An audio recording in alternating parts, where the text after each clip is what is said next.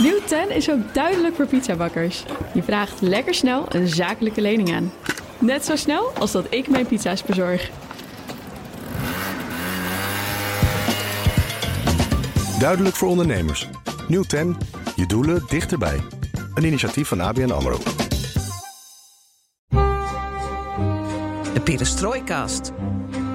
Een blik op Oost-Europa.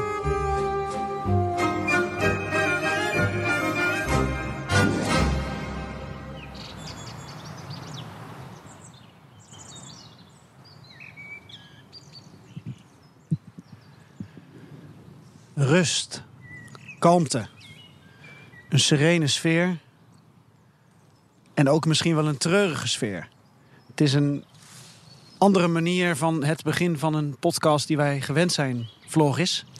Zeker Geert-Jan. We zitten hier tussen ruim 800 graven, 865 als ik me niet vergis, van Sovjet-soldaten die zijn omgekomen tijdens de Tweede Wereldoorlog. Van sommigen zijn er namen bekend, van anderen weer niet. En wat wij zien, dat eh, zijn.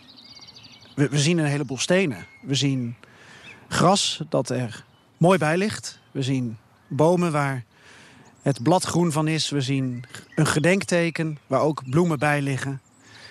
We zien een paar bezoekers die hier geïnteresseerd op af zijn gekomen. En we zijn op het Russische ereveld in Amersfoort of Leusden, Remco-rijding.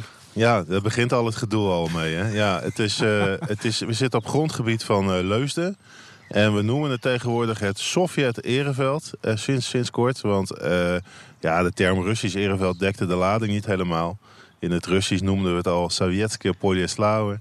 En nu hebben we het in het Nederlands ook maar Sovjet gemaakt. Ja. En als jij om je heen kijkt en jij komt hier zo vaak en al zo lang, hoe zou jij beschrijven wat je nu ziet? Nou, je ziet eh, 865 eh, witte, grijze grafstenen. Eh, namen erop genoteerd voor zover bekend, maar eh, in het Cyrillisch. Dus eh, voor ons Nederlanders eh, moeilijk te lezen. Ehm, en bovendien weet ik inmiddels dat er, dat er heel veel fouten in, eh, in zitten. En ze staan zo mooi eh, recht, eh, rechtop eh, in, in, in lange rijen. Dus het is net alsof het soldaten zijn die in de houding staan. En ehm, ja, het, het, het natuurlijk wel stenen. Ehm, dus je moet er wel wat verbeeldingsvermogen hebben om te begrijpen dat al die 865 stenen eigenlijk 865 mensen zijn.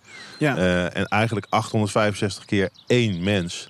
Ehm, en ja, dat was heel erg noodzakelijk toen ik hier voor het eerst kwam, dat, dat besef. Omdat het toen een vergeten plek was. En de familieleden van al deze soldaten nog altijd niet wisten waar hun vader of grootvader gebleven was. Namelijk hier. En kun je voor de luisteraar het gedenkteken omschrijven dat wij daar op, ik denk, 100 meter afstand van ons eh, zien? Ja, dat is een, eh, een, eh, witte obelisk, een zuil. Ehm, ja, gaat een meter of, wat zal het zijn, een meter of acht de hoogte in, denk ik. Ehm, er staan letters op geschreven in, in bladgoud. Bovenaan staat, ja, voor ons staat er dan CCCP, hè? dus eigenlijk is dat dan SSSR. Ehm, en daaronder staat eh Slava Giroyam. En ik vraag altijd aan, aan bezoekers, als ik een rondleiding geef, weet je wat dat betekent? En dat weet nooit iemand.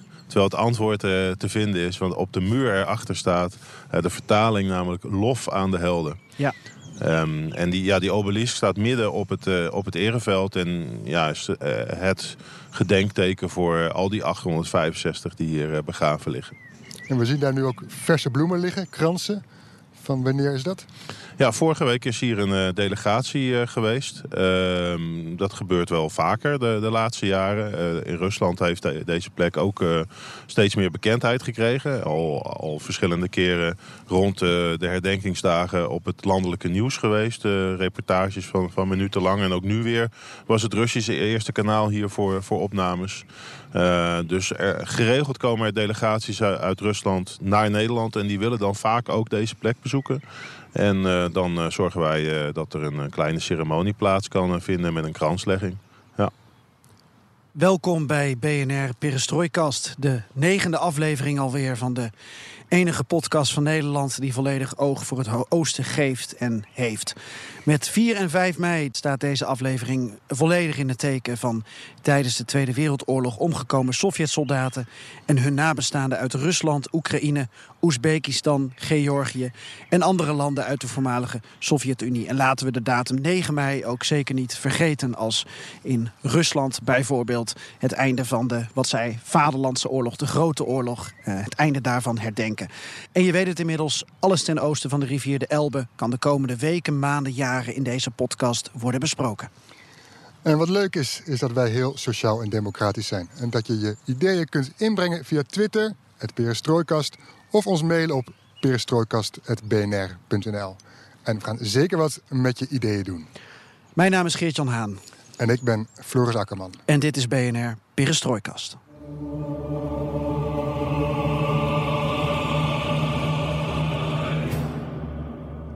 Vandaag een bijzondere aflevering van Perestrooikast. Want normaal zitten wij in een bedompte studio in Amsterdam.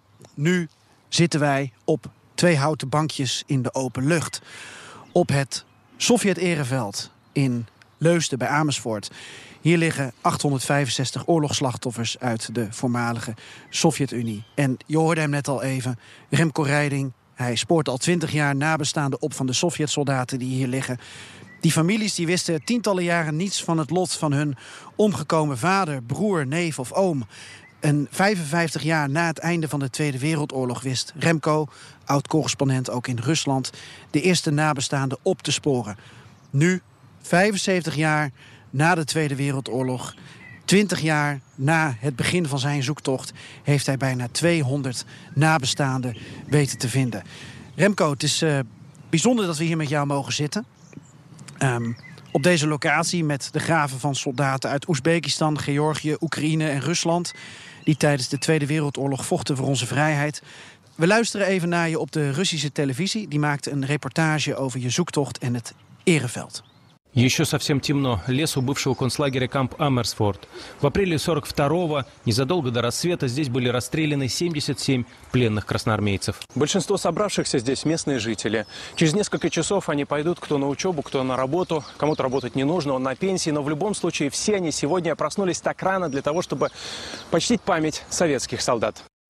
Remco, zoals altijd waarschijnlijk uh, in gesprekken met jou over uh, dit Sovjet-Ereveld.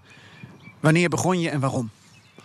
Ja, ik kwam hier uh, meer dan twintig jaar geleden voor het eerst uh, aanfietsen. Ik had gehoord uh, dat er hier graven zouden moeten zijn van Sovjet-soldaten uit de Tweede Wereldoorlog. Ik was met een uitwisselingsprogramma met de School voor Journalistiek in, in Zwolle in Moskou beland. tien dagen daar kennis gemaakt met dat fascinerende uh, land, voor mij onbekend. En verliefd geworden op een Russisch meisje. Dus ja, ze stuurde mij hier naartoe, want uh, ik had iets met Rusland. En tot mijn grote verbazing bevond zich echt pal naast de ingang van uh, de Amersfoortse begraafplaats... een complete erebegraafplaats met 865 graven. Dus niet een paar vergeten jongens, maar echt een complete begraafplaats. En al die 865 waren in hun eigen land nog vermist. En ja, het besef dat hier 865 oorlogsslachtoffers liggen... zonder dat de familie van, van iets weet, dat de familie nog steeds wacht... Dat, dat kon er bij mij niet in. Ik vond dat ik daar iets aan moest proberen te veranderen. Ik was 21, uh, jong en ambitieus. Ik dacht ook, hier is een kans om mezelf te bewijzen. En uh, ja, niet wetende dat ik daar uh, zo diep in zou, zou terechtkomen. En, en, en 20 jaar later daar nog steeds mee bezig zou zijn. Had je toen al een fascinatie ook voor uh, Rusland voor de voormalige Sovjet-Unie?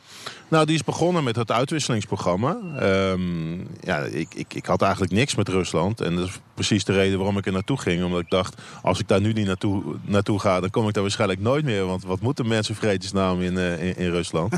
maar ja, dat heeft mijn leven nogal drastisch uh, veranderd. Want sindsdien ja, valt, valt, valt mijn leven niet meer los te zien van, van Rusland.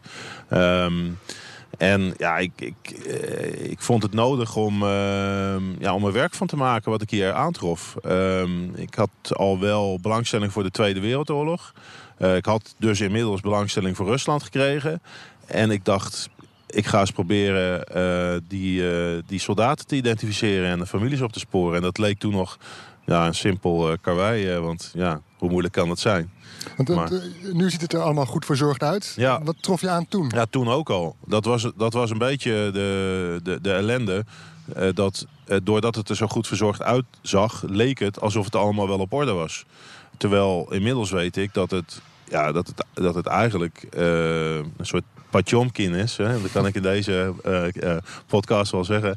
Het, het, is een soort ja, schijnwerkelijkheid. Het ziet er prachtig uit, maar nul families opgespoord. Um, nul soldaten geïdentificeerd. Ja, er staan namen op, maar naam alleen wil niet zeggen dat je weet om wie het gaat. Um, en, en heel veel fouten die zijn gemaakt. En dat bedoel ik niet verwijtend. Er is aan het eind van de Tweede Wereldoorlog ja, grote chaos geweest. En ze hebben met beperkte middelen geprobeerd uh, vast te stellen om wie het hier gaat. Dat is eigenlijk gewoon niet gelukt. En daarna is goed verzorgd, deze plek. Maar is er eigenlijk niemand echt serieus ja, onderzoek gaan doen. Ja. Wat hier allemaal gebeurd is, uh, hoe de jongens hier allemaal beland zijn... dat zijn hele individuele verhalen misschien ook wel. Uh, misschien kunnen we beginnen met uh, de herdenking die je in april hebt gehad. Um, en wat je toen precies herdacht hebt, want dat had te maken met 75 jaar na een belangrijke gebeurtenis. Klopt, ja. Uh, eh, 9 april, uh, s ochtends vroeg, uh, om half zeven ochtends, hebben wij 101 kaarsjes aangestoken. 77 rode en 24 witte. dat heeft alles te maken met een groep van 101 Sovjet-soldaten uit waarschijnlijk hoofdzakelijk Oezbekistan die in september 1941 door de nazi's naar Nederland zijn gebracht. Krijgsgevangen gemaakt aan het Oostfront. Uh, hier naartoe gestuurd in veewagons. Uh, op de veelosplaats van station Amersfoort uitgeladen. Dus die woorden zeggen het al, ze werden als beesten gezien en als beesten behandeld. En dat was ook in de buurt van kamp Amersfoort? Nee, dat was op, ze kwamen op station aan hier in Amersfoort. En zijn vanaf het station lopend naar, naar het kamp gebracht. Uh, dwars door de stad. Dus, dat is een paar kilometer? Ja, dat is, dat is enkele kilometers. En dat, dat hebben natuurlijk heel veel Amersfoorters gezien. Want je moet je voorstellen, in, in 41 waren sowieso buitenlanders al een bezienswaardigheid. Maar er kwam hier ineens een groep gevangenen aan uit, uit, uit Rusland. Um, jongens met uh, Aziatisch uiterlijk, uh, spleten ogen, in lompen gehuld. En dat was de eerste grote groep gevangenen die hier door Amersfoort uh, liep. Dat was eigenlijk voor propagandadoeleinden, Ja, toch? het was bedoeld om ons Nederlanders te laten zien wat voor een untermenschen onze bondgenoten in het oosten waren. En daarom waren ze, zo gaat het verhaal, uh, hebben ze eh, bewust uh, een stel Oezbeken uitgekozen. Um, want die zagen er afschrikwekkend uit, vonden de. Uh, Amersfoorters hebben overigens geprobeerd water en, en, en brood toe te stoppen. Dus de propaganda werkte niet, niet bepaald. en ook in kamp Amersfoort, waar ze uiteindelijk terecht zijn gekomen... hebben gevangenen aanvankelijk geprobeerd ze te helpen... Uh, wat weer niet op prijs werd gesteld door de bewakers. Um, dus Nederlandse gevangenen zijn daar ook voor gestraft. Voor het helpen van de Russen, zoals ze werden genoemd. Maar om terug te komen naar, naar 9 april. Um, Kamp Amersfoort was in 41, 42 echt een heel erg slechte plek.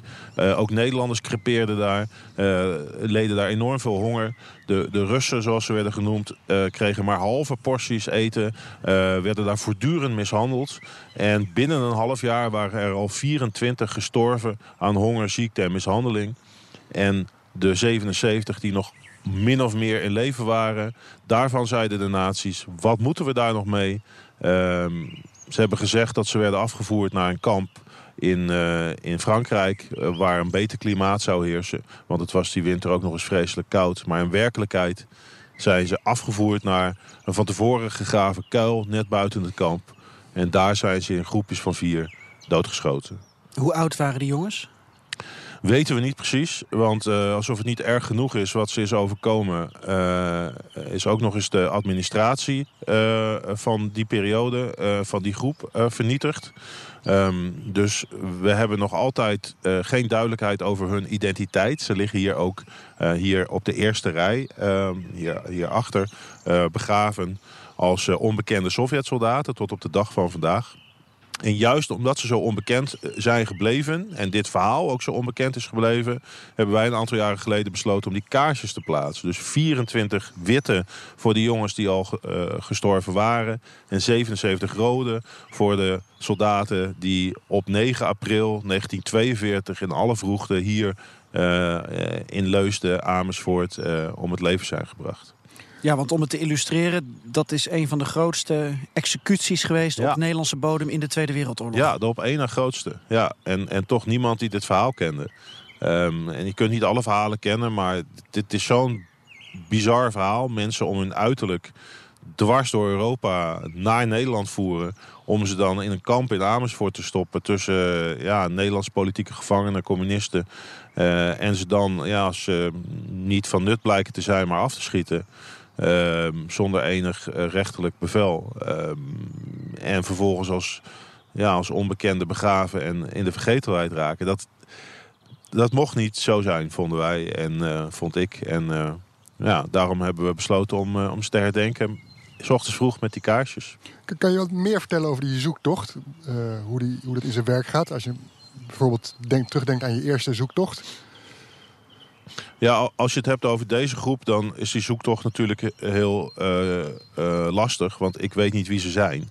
Dus we hebben onlangs in Oezbekistan voor het eerst eh, de kans gekregen om daar een ultieme poging te wagen om informatie te vinden over deze groep. Want in feite is de volgorde dat je eerst moet weten wie een soldaat is en dan pas de familie kan opsporen.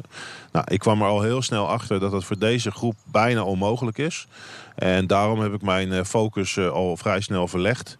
Eh, wat betreft onderzoek en opsporing naar een tweede groep. Want er liggen hier veel meer soldaten dan die 101. Er liggen hier ook 691 krijgsgevangenen die vanuit Margaten zijn overgebracht hier naartoe. Zuid-Limburg. Ja, die lagen op, de, op het American Battlefield daar. Inmiddels is dat een permanente Amerikaanse begraafplaats. Waren daar naartoe gebracht vanuit ziekenhuizen in, in Duitsland... waar ze na krijgsgevangenschap waren overleden aan tuberculose. En uiteindelijk zijn die hier herbegraven.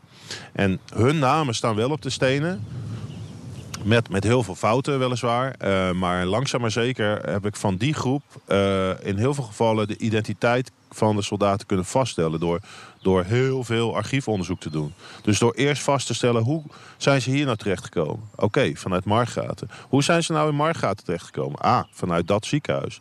Vervolgens in die plaats gezocht naar de ziekenhuisadministratie. Daar bevond weer eh, meer, bevond zich weer meer informatie over de soldaten. En langzaam maar zeker werd steeds duidelijker in sommige gevallen om wie het ging. En toen duidelijk werd om wie het ging, toen ik zeker wist wie het was, toen het er maar één kon zijn en niet twee, ja, toen ben ik pas op zoek gegaan naar de nabestaanden. En zo gaat het dus bij, bij elke... Ja, 865 keer. Ja. Ja, En nadat je hebt gevonden, zoek je contact in de nabestaanden. Maar die wonen in Oezbekistan, in Georgië, Ja, Rusland. zoek je contact. Dat klinkt alsof ik het nummer al heb. Ja, hè? precies, dus het ja. is, dat is natuurlijk ook nog een hele klus. Eh, hoewel, daar zitten ook wel gevallen bij die zich eh, heel snel deden oplossen. Want er was een familie bij eh, die nog op het adres woonde... waar vader destijds zelf eigenhandig een huis had gebouwd. En ik had het adres. Dus ik stuurde een brief naar uh, Ulitsa Narodnaya nummer 5. Ja, en daar woonde gewoon de familie nog. Ja, dan is het snel opgelost. Maar doorgaans beschik ik niet over die gegevens. En doorgaans wonen de mensen niet meer op dezelfde plek. Ja. En eh, nog, een, nog een problematisch eh, voorbeeld. Eh, vrouwen zijn gewoon om te trouwen en dan de naam aan te nemen van hun echtgenoot. Dus die heten ineens anders. Dus die vind je niet zo makkelijk meer. Nou, dat zijn allemaal hindernissen waar je tegenaan loopt. En de opsporing van familieleden is lang niet zo moeilijk als de identiteit van een soldaat vaststellen. Daar zit echt jaren, soms wel twintig jaar onderzoek aan vast. Maar ook het opsporen van familieleden is lang niet altijd eenvoudig. Wat voor methodes gebruik jij allemaal? Wat heb je in de afgelopen twintig jaar ja, jezelf aangeleerd om eh, die ene nabestaande eh, te ontdekken of die ene soldaat überhaupt te identificeren? Nou, in het begin eh, heb ik alles zelf gedaan. Ben ik ook zelf op reis gegaan. Ben ik ter plekke gaan zoeken. Ik moet zeggen, dat werkt vrij goed. Maar het is natuurlijk enorm tijdrovend en eh, geldverslindend. En eh, ja, ik deed dat de eerste 15 jaar volledig in mijn, in mijn eigen tijd. Dus dat, ja, dat was niet vol te houden. Dus de belangrijkste tactiek die ik gebruik is mensen voor mijn karretje spannen. ik, ik, ik probeer zo hoog mogelijk in de boom iemand te vinden die bereid is mij te helpen.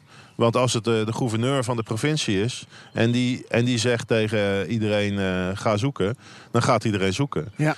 Eh, beantwoordt hij mijn brief niet of doet hij niks of stuurt hij me met een kluitje driet in, dan ga ik een niveautje lager. En zo, zo loop ik de boom af, zou ik maar zeggen, totdat ik alle instanties heb gehad en zeker weet dat alles is gecheckt. Ehm, maar dat moet ik dus wel 865 keer doen. Maal uh, ja, 10 instanties. Want je wil de burgerlijke stand checken op, op, op uh, overlijdensactes en uh, huwelijksactes en geboortes van kinderen. En je wilt het lokale archief checken of daar gegevens zich bevinden over de samenstelling van het gezin. je wilt ehm, instanties benaderen die gegevens hebben over Ehm, nou ja, laten we zeggen de lokale politie of zo. Wie, van de, de, wie, wie, wie nu nog in het dorp wonen. Ehm, nou ja, je kunt ze gek niet verzinnen. Of, of, media, lokale media. Hè, als het in de krant komt te staan in het dorp.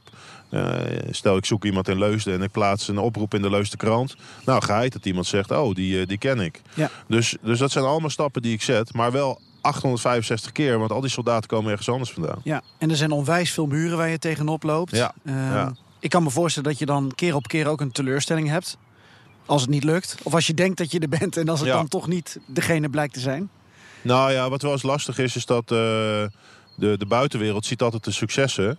En uh, zien uh, huilende kinderen bij het graf en vinden het geweldig dat, dat, dat ze nu eindelijk weten waar vader gebleven is. En dat is ook geweldig. Maar wat niemand ziet is dat er wel twee, drie, vier, vijf jaar aan aan onderzoek en frustratie aan vooraf is gegaan. En wat niemand ziet is al die gevallen waarin het niet is gelukt. Dus uh, het is het elke keer weer hartstikke waard. Want op het moment dat ik een dochter van een soldaat bij het graf van haar vader zie... en die zegt tegen mij, nu kan ik sterven, nu heb ik rust. Hè? De, de, de, het belang van het nieuws dat, dat de vermissing voorbij is... en dat ze weten waar vader gebleven is... dat, dat, dat weegt voor mij wel op tegen al die frustraties. Maar die frustraties zien anderen denk ik niet zo goed. Nee. En ik voel ze wel. Maar we hebben je um, eerder dit jaar uh, uh, op alle mediakanalen in Nederland gezien. Want er is een, ja, ik noem het maar even, een nieuwe methode, een nieuwe technologie... waar jij gebruik van kan maken... en waardoor je twee Georgische soldaten hebt weten te identificeren. Ja, ja. Ja, het is toch wel een beetje de kroon op mijn werk. Want eh, ik heb 208 uh, families. Je zit ook een beetje te glunderen. Het zonnetje begint ja, te schijnen. Ja, ja. Je zit hier op jouw prachtige ereveld. En... Nou ja, ik weet, ik weet wat ik daar allemaal voor heb moeten doen. Uh, uh, ik heb 208 families opgespoord. Dat is al, al fantastisch. Eh, maar dat was allemaal op basis van papieren. En bovendien nam men aan dat wat ik zei klopte. en, en nu werd het ineens wetenschappelijk bewezen. want ehm, er liggen, hier acht, eh, er liggen hier 15 Georgiërs begraven als onbekenden. Um, ik ben achter hun namen gekomen door onderzoek. Vervolgens heb ik in zeven gevallen de identiteit ook kunnen vaststellen van, van die soldaten. En, en hun families opgespoord. Alleen, ik kon die families dus wel vertellen... vader is gevonden, hij ligt in Nederland. En dat was voor die families echt uh, geweldig nieuws. Zeer emotioneel. Heel blij dat er einde was aan onzekerheid. Maar ik kon ze niet vertellen welk graf ze lagen. Want ze lagen namelijk alle 15 als onbekenden. En, en die zeven lagen onder die 15. Maar wie in welk graf, dat wist ik niet. Dus uh, ik heb vervolgens een samenwerking met, uh, met de Nederlandse politie en uh, de Nederlandse Oorlogsgravenstichting en de Bergings- en de Identificatiedienst van de Koninklijke Landmacht ehm, DNA-materiaal afgenomen. wang, speeksel, wangslijmvlies. En ehm, de bedoeling was altijd om dat te vergelijken met de stoffelijke resten van de soldaat. Maar het uh, identificeren van de soldaten en het opsporen van, van die families, dat was natuurlijk al enorm moeilijk. Maar het was ook enorm moeilijk om alle autoriteiten ervan te overtuigen dat het noodzakelijk en wenselijk was om die soldaten te gaan opgraven en DNA af te nemen. En vooral ook om ervoor te zorgen dat, dat niemand nee zou zeggen daartegen. Uh, nou, het is een lang ingewikkeld verhaal, maar het komt erop neer dat alle neuzen dezelfde kant op moesten komen dezelfde tijd. En dat heeft me ook nog drie jaar gekost. Dus ik weet hoeveel moeite het heeft gekost om dit voor elkaar te boksen. En in september zijn ze daadwerkelijk opgegraven. En in maart uh, ben ik in Georgië geweest om twee van, de, eh, eh, van die zeven families al te kunnen informeren. Ja, we hebben een 100% match. Jouw vader ligt daadwerkelijk in dit graf op het Ereveld. Ja, voor mij was dat natuurlijk wel, eh, wel echt eh, fantastisch nieuws. Ja. Een aantal jaar geleden, toen ik je sprak, toen zei je eigenlijk van, nou ja, ik, ik, ik zet er langs langs een punt achter. Want het wordt steeds moeilijker om, om die families of die uh, Zei ik dat? Ja, in die trap. Ja, ja, want ja, Je, je had een makkelijke Wish, gevallen. wishful thinking. Was Was misschien dat, net een teleurstellende periode ja, weet niet. Nou, je had een makkelijke gevallen gehad, zei je. Het werd steeds moeilijker. En mensen kwamen te overlijden. Die zoektocht werd steeds moeilijker. Nee, er zit, er zit een kern van waarheid in natuurlijk. Maar, Maar biedt zo'n ik, nieuwe moet, ik moet erom lachen, weer, omdat ik, omdat ik, een, um, ik kan het nog wel heel graag willen om eh, dat- een punt achter te zetten. Maar dit is natuurlijk nooit klaar. Mhm. Hè, zelfs als ik nu zeg ik stop en ik laat alles uit mijn handen vallen. Als ik hier langs loop, dat heb je net zelf ervaren. Dan zeggen mensen, hé hey Remco. Dus die associëren mij toch met deze plek. En als er vragen komen, dan komen die toch bij mij uit. Dus ik kan er wel mee willen stoppen. Maar ja, er lopen hier nu Ja. vier mensen over het ereveld die eh, jou zagen omdat jij met ons hebt afgesproken en dan toch even een praatje maken. Ja, En je leidt ze ja. even rond natuurlijk. Ja, ja, ja, ze hadden de, de documentaire gezien die een aantal jaar geleden is gemaakt. En ik heb ze even naar het graf gebracht. Waar nou, dat, dat in die documentaire een belangrijke rol speelt. Dus ik, ja, ik kan er ook niet echt mee stoppen. Ehm, maar waar ik wel natuurlijk mee kan stoppen is actief zoeken naar families. Eh, en stiekem ben ik dat al steeds wat minder gaan doen. Omdat Ja. inderdaad de meeste gevallen die oplosbaar zijn, ook opgelost zijn. Eh, die 15 Georgiërs die als onbekende begraven liggen, die we met DNA hebben eh, geïdentificeerd. Ja, dat is een bijzonder geval. Eh, dat is een uitzondering op de regel. En ja, DNA biedt ons nu misschien wel weer een nieuw begin. Want eh, nu dit een succes is, waarom dan niet ook enkele andere, andere min of meer concrete situaties proberen op te lossen met DNA? Ja. Aan de andere kant, de aandacht is bij mij veel meer verschoven naar het doorvertellen van de verhalen, het levend houden van de nagedachtenis aan. Dus we plaatsen in mei foto's van de soldaten bij de graven. We plaatsen er bloemen. Op 9 april plaatsen we kaarsjes. Met kerstavond plaatsen we kaarsjes. Ehm, ik, ik praat met jullie, ik geef interviews, ik geef rondleidingen, ik geef lezingen. Dat is ook belangrijk. Het is een Want- levenswerk. ja, het is een levenswerk, maar het is ook wel belangrijk omdat het is mooi dat die families het nu weten, maar we moeten het eigenlijk allemaal weten dat, dat er 26 miljoen oorlogsslachtoffers zijn gevallen in de Sovjet-Unie en dat er hier 865 liggen. Ja. ja, dat brengt ons bij eh 4 en 5 mei. Dat wij in Nederland vieren, eh, waarbij we doden herdenken en eh, de bevrijding vieren. Ehm, ook hier worden slachtoffers herdacht. Eh, eh, er worden bloemen geplaatst op alle oorlogsgraven. stille tocht. Eh, op 9 mei is de jaarlijkse herdenking en kanslegging op Overwinningsdag. Eh, ook nabestaanden die eh, krijgen hier dan de kans om het graf van een familielid te bezoeken en te herdenken. Ehm, en die, die nabestaanden die hebben dan ehm, ja, tientallen jaren onzekerheid, vragen in hun hoofd. Ehm, waar is mijn vader, waar is mijn broer, mijn neef, mijn oom? En dan ben jij daar, die boomlange Nederlander uit Amersfoort, die, ehm, die de antwoorden heeft. Dat is toch eh, Bizar, hè? eigenlijk niet te bevatten? Nee, dat is ook niet te bevatten. En eh, ja, het, is natuurlijk fantastisch dat ik dat voor die mensen heb, heb kunnen doen. Het is voor die mensen geweldig, maar voor mij natuurlijk ook mooi. Want het heeft mij een, eh, een, een doel in het leven gegeven. Het heeft mij een gevoel van eigenwaarde gegeven. Ehm, ja, het is, het is magisch en het is ook niet voor niks dat eh, veel van die, van die van die oude Russische vrouwtjes, zeg maar, van in de tachtig, eh, zeggen: Ik ben mijn vader kwijtgeraakt, maar ik heb er een zoon bij gekregen. Hoe komen die mensen hier eigenlijk? Is daar een potje voor? Want ik kan me voorstellen dat als, als ze uit een, eh, een plattelandsregio in Oezbekistan komen... dat Ja. het geld ze ook niet op de rug groeit om even naar Amersfoort te gaan. Nee, dat was zeker een groot probleem. Vooral in het begin, omdat het toen ook een minder goede tijd was. Ehm, wij hebben voortdurend geprobeerd kinderen van soldaten naar Nederland te halen. Eh, dat hebben we ook altijd met sponsoring eh, eh, gedaan. Ehm, en we is dan de stichting Sovjet Ereveld die wij hebben opgericht. Voorheen stichting Russisch Ereveld. Ehm, een van de dingen die wij hebben gedaan is... wij vonden dat die, die 865 niet langer vergeten mochten zijn. En we dachten als we nou 865 mensen vinden die allemaal één graf, één soldaat willen adopteren... dan zijn ze allemaal niet langer vergeten. En wij plaatsen jaarlijks bloemen op die, die geadopteerde graven. En we vragen daar een jaarlijkse bijdrage voor, voor grafadoptie. Dat is 50 euro per jaar. En uh, dat geld kunnen wij inzetten voor onderzoek, analyse, maar bovenal het grafbezoek van, uh, van nabestaanden. En we hebben ervaren dat het ook voor kleinkinderen van enorm uh, belang is, omdat het toch ook de vader is van hun vader of moeder. Ja. Uh, een gemis dat zich in de familie altijd heeft doen voelen. Dus we gaan daar zeker mee door. En ook dit jaar komen er weer, mede dankzij grafadoptie, nabestaanden naar Nederland. En dat, ja, dat is geweldig. Ja. En dan komen ze hier op de begraafplaats, Sovjetveld, Ja, ja. en, en in Nederland, waar ze waarschijnlijk nog nooit van hebben gehoord... of waar ze van ze denken van, ja, dat is ver weg. Ja. En, en, en dan treffen ze hier die graven. Hoe, hoe komt dat binnen bij ze? Nou, het verbaasde dat het zo, uh, zo goed verzorgd is. En dat wij er zoveel aandacht aan besteden. En zijn natuurlijk ook altijd in mei uh, hier. En dan is er natuurlijk ook extra aandacht voor. Daar staan de bloemen. Dan gaat er een stille tocht over het Ereveld met, met, met bijna 2000 deelnemers. Um, dus dat is natuurlijk ook een hele bijzondere sfeer. Um, en dat, dat, dat waarderen ze enorm. En, en ze, ze ervaren dat natuurlijk toch al. Omdat het feit dat de een of andere mafketel uit Nederland helemaal daar naartoe is gekomen om ze te vertellen vader is gevonden.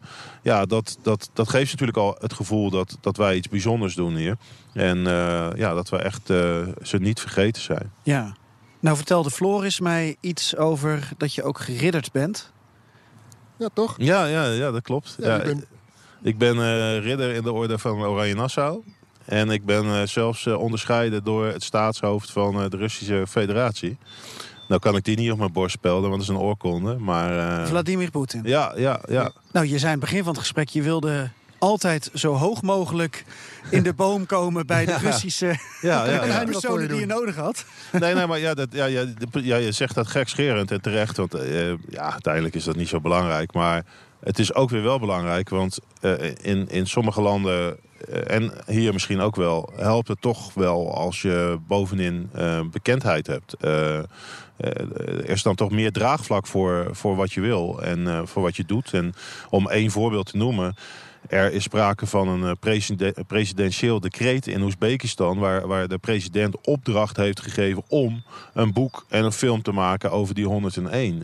Dus het toen is nog echt Karimov? Op, uh, nee, uh, toen al niet meer Karimov. Oh, okay. uh, juist niet. -huh. en dat, maar dat, dat zegt iets over de, op welk niveau dit speelt... en hoe belangrijk dus de, de landen van de voormalige Sovjet-Unie... dit onderwerp vinden. Ja. dat Poetin hemzelf uh, mij een onderscheiding geeft. Dat de president van Oezbekistan uh, zich buigt over dit onderwerp. Dat wordt dus echt besproken uh, in, in, in, ja, in de, de hoogste regio. Ja. Wat, wat, doen die overheden, Rusland, de Russische overheid, autoriteiten, wat doen, en de Oezbeekse autoriteiten, wat doen zij voor het?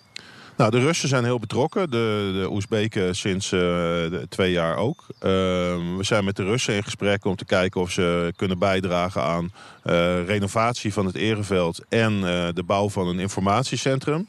Uh, of in elk geval de inrichting daarvan. Want we willen heel graag in samenwerking met onze partners uh, hier, uh, begraafplaats Rusthof en kamp Amersfoort onder meer. de gemeentes kijken of we de verhalen hier ook beter kunnen vertellen. Want nu zit ik hier te kletsen, maar eigenlijk moeten bezoekers hier komen en die verhalen tot zich kunnen nemen. En nu is daar nog geen sprake van. En dat, dat is doodzonde, want er is heel veel mooi materiaal dat we daarvoor kunnen inzetten. Dus we willen heel graag een ruimte waarin we dat kunnen doen. En bovendien willen we graag dat uh, nou ja, alles wat hier fout is gegaan aan, aan inscripties op de stenen op den duur ook uh, verbeterd Want wordt. Volgens mij was vorig jaar nog in het nieuws dat kamp Amersfoort een, een ja. flink wat overheidssubsidie krijgt ja. voor interactieve informatie uh, aan de bezoekers. Daar vallen jullie dus niet Nee, wij vallen daar onder. niet onder. Uh, kamp Amersfoort bouwt een, een ondergrondse musea museale ruimte.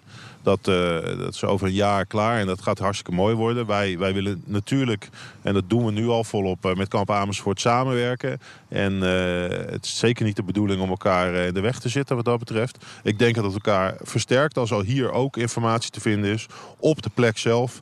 Want ja, mensen moeten toch ook als ze deze plek bezoeken... Uh, op zijn minst wat informatie tot zich kunnen krijgen. En daarvoor ga je dan normaal gesproken niet naar kamp Amersfoort. Al raad ik iedereen dat, uh, dat van harte aan om dat ja. wel te doen. En wat, wat kun je zeggen over uh, plannen die er dan zijn of die je hebt?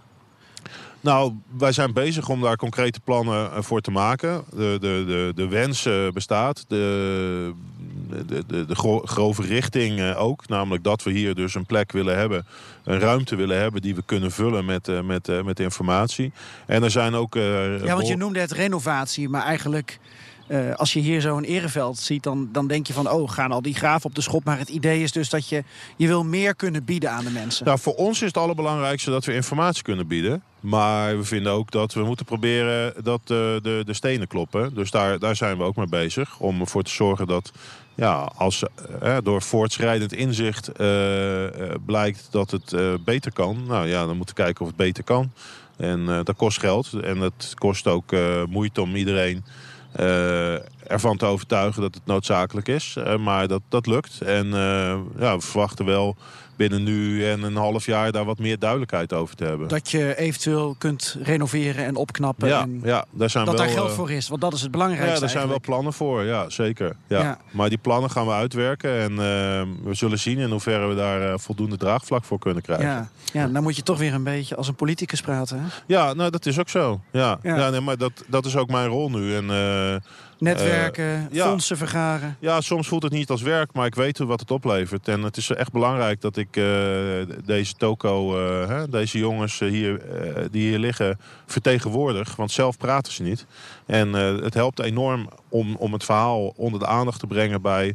Ik weet niet hoeveel autoriteiten uit ik weet niet hoeveel landen. En, eh, Ja. en dat zorgt ervoor dat er beweging in de zaak komt. En dat is van groot belang. Ja, dat, dat- daar gaat het ook om deze dagen natuurlijk, hè, Floris. Dat wij eh, eh, deze podcast willen maken. Om, omdat wij eh, zelf hiervan weten. Jij bent hier al eerder geweest, ik nog niet. Terwijl ik notabene ook uit de buurt van Amersfoort kom. Ik, ik heb op het Corderius ook Ach. gezeten, net als jij Remco. Jongen, jongen. Ik had hier gewoon moeten zijn vroeger. Ja, ik geloof- Corderius heeft je dus ook niet meegenomen hier naartoe. Nee, hè? ik geloof Kijk. dat we ooit een keer op kamp Amersfoort Ja, zijn geweest. Maar ook dat kan ik me niet meer Nee. goed voor de geest halen. Wel thuis eh, boeken over gelezen. Zo zie je maar. Er is nog een wereld te winnen. Ja, en, maar die, die herdenking en, en herinnering, daar hadden wij het van tevoren ook over. Hè? Dat mensen weten eh, van de geschiedenis van Rusland en een beetje van de rol van Rusland in de hebt- Tweede Wereldoorlog, wat je- maar toch. De komende dagen, 4, 5 mei, 5 mei, bevrijdingsdag... dan bedanken we de Britten, de Canadezen, de Amerikanen, de paar Polen in Breda. Ja. Juist. En Ja.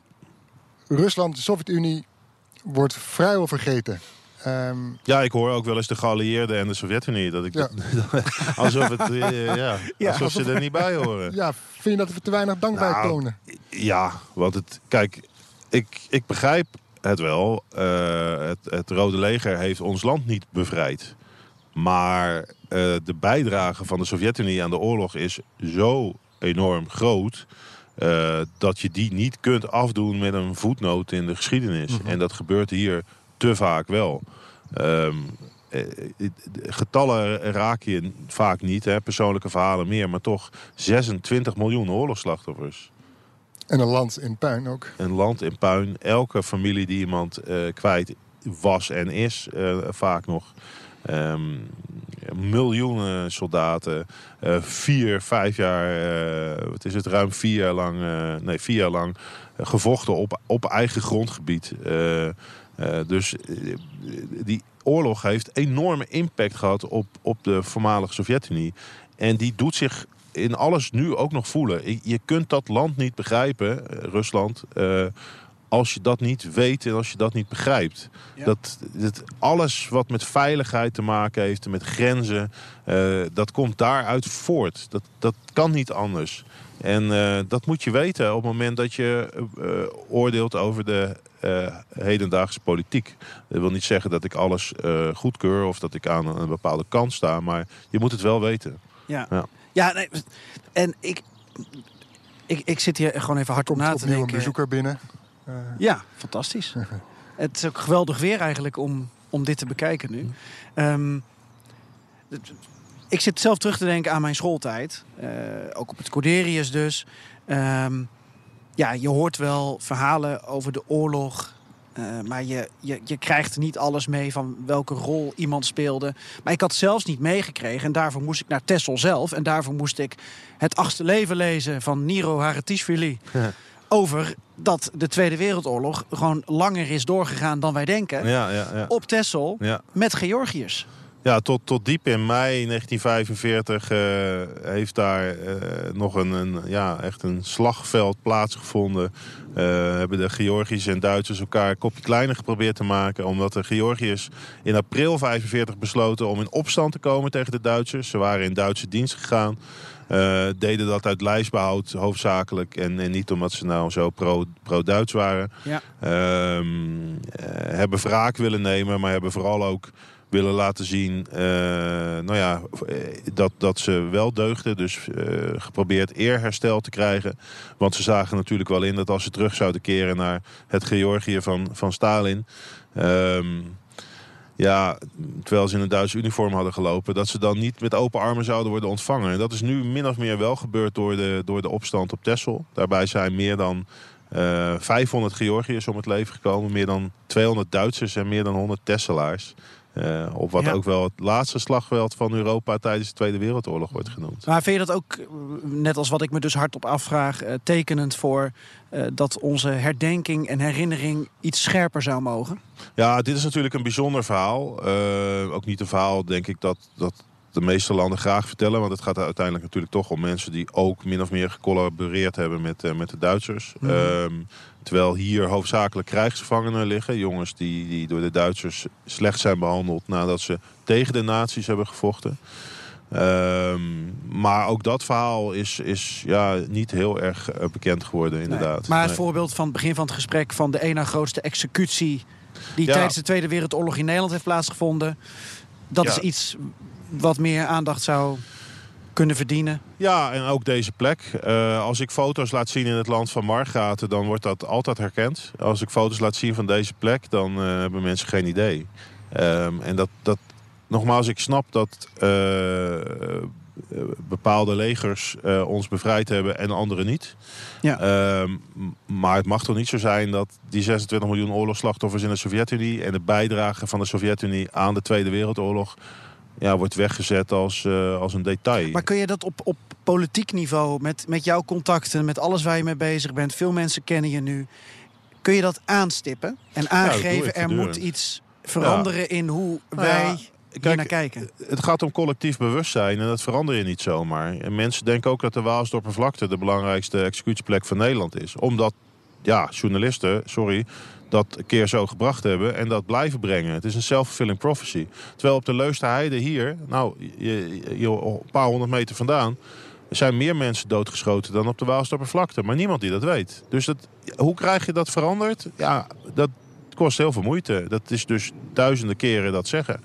En ik denk dat ja, binnen mijn mogelijkheden er al best wel veel is geprobeerd om dat te bewerkstelligen. En dat het ook werkt.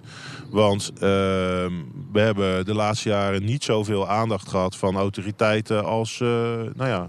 Eh, de laatste jaren meer aandacht gehad dan alle jaren daarvoor. Om een voorbeeld te noemen, minister Blok van Buitenlandse Zaken noemde in een ander verband, maar toch in het Kremlin bij een persconferentie eh, het feit dat Nederlandse vrijwilligers voor deze graven zorgen. Als een, als een teken van zie je wel, we doen ook wel goede dingen. We zijn jullie niet helemaal vergeten. Ehm, ja, we, hebben best een warme band met Rusland als En voorbeeld. wat denk je dan als je dat hoort?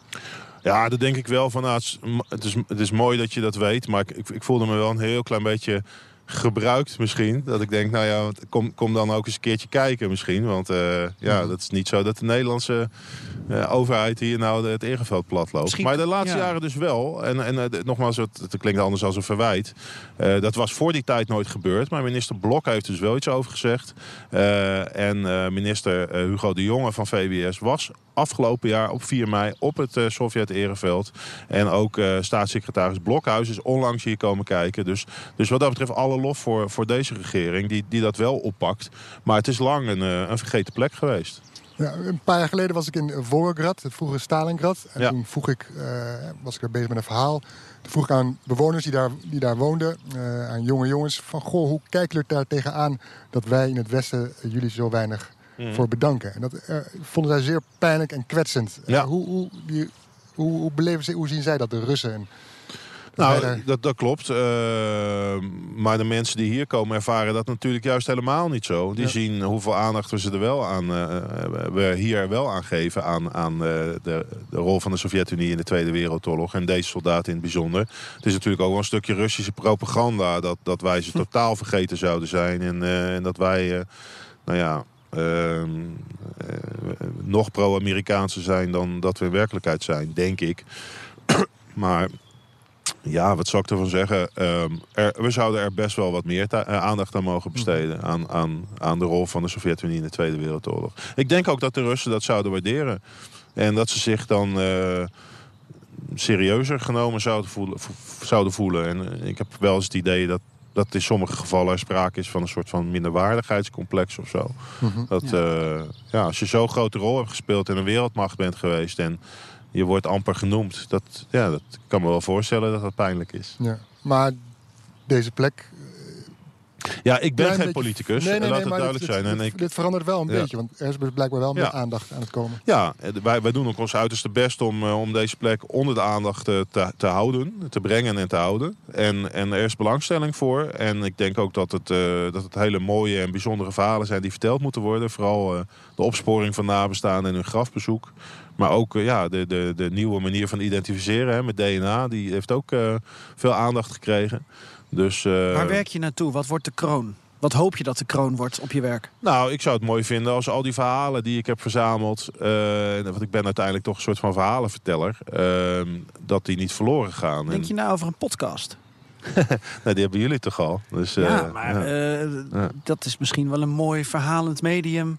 Ja. De verhalen van de onbekende soldaten. Nou ja, ik, ik sta overal voor open. Ehm, we hebben wel laatst, eh, als we het toch over audio hebben... een fantastische eh, theatrale audiotour op het Ereveld gehad. Met, eh, met duizend bezoekers. In het donker, met projecties en, en, en lichtjes en, en acteurs... Eh, leerlingen die erbij betrokken waren. Het was echt een heel mooi project. Eh, niet goedkoop, maar eh, zeer de moeite waard. Toch even ja. de Holla- Hollandse voetnoten bij. Ja, nou ja, dat, dat, het maakt het lastig om het, om het, om het, nog een jaarlijks uit te doen, rollen. ja. Ja. Ja, ja, om het veel te herhalen. Maar dat, de, het materiaal dat we daarbij hebben gemaakt... dat zal vast nog een keer als Ja. audio ergens opduiken. Ja. Dus ja. hey, wij willen je nog iets geven. Oh, Ja, want mensen kunnen een graf adopteren. En bij deze Wij van Perestrooikast willen we ook graag een graf adopteren. Ja, het is fantastisch. Dus hier, handje contantje. Ik Handje niet of het zo kan. contantje. Het is 50 50 euro. euro. Ik weet niet of het voor de belastingdienst uiteindelijk handiger is als we het overmaken. Nee, en nou, symbolisch. op een andere ik, zal manier het, ik zal regelen. het overmaken. Fantastisch. Dit is de symbolische En- overdracht. Wie ook, als je ook een graf wil adopteren, beste luisteraar, eh, dan kan dat voor 50 euro per jaar. En kijk daarvoor op eh Sovjet eh, koppelteken ereveld.nl. Fantastisch. Mooi. Dankjewel eh Remco Rijding voor je tijd. En ook voor het eh, regelen van het prachtige weer waarin wij eh, kunnen voorbeschouwen op eh, bijzondere herdenkingsdagen. Ja, we hebben hier op de begraafplaats een kort lijntje met daarboven. Dus eh Dus het, doen we graag. zolang het zonnetje schijnt gaan we hier eh, mooi werk blijven zien, hoop ik. Zeker. Succes. Dankjewel Remco. Succes Dankjewel. ermee. Pakka. Nou, super. Moeten we nog even een, leuk... eh, Even een foto. Ja, en een leuk graf uitzoeken. dat vergeten we eigenlijk altijd.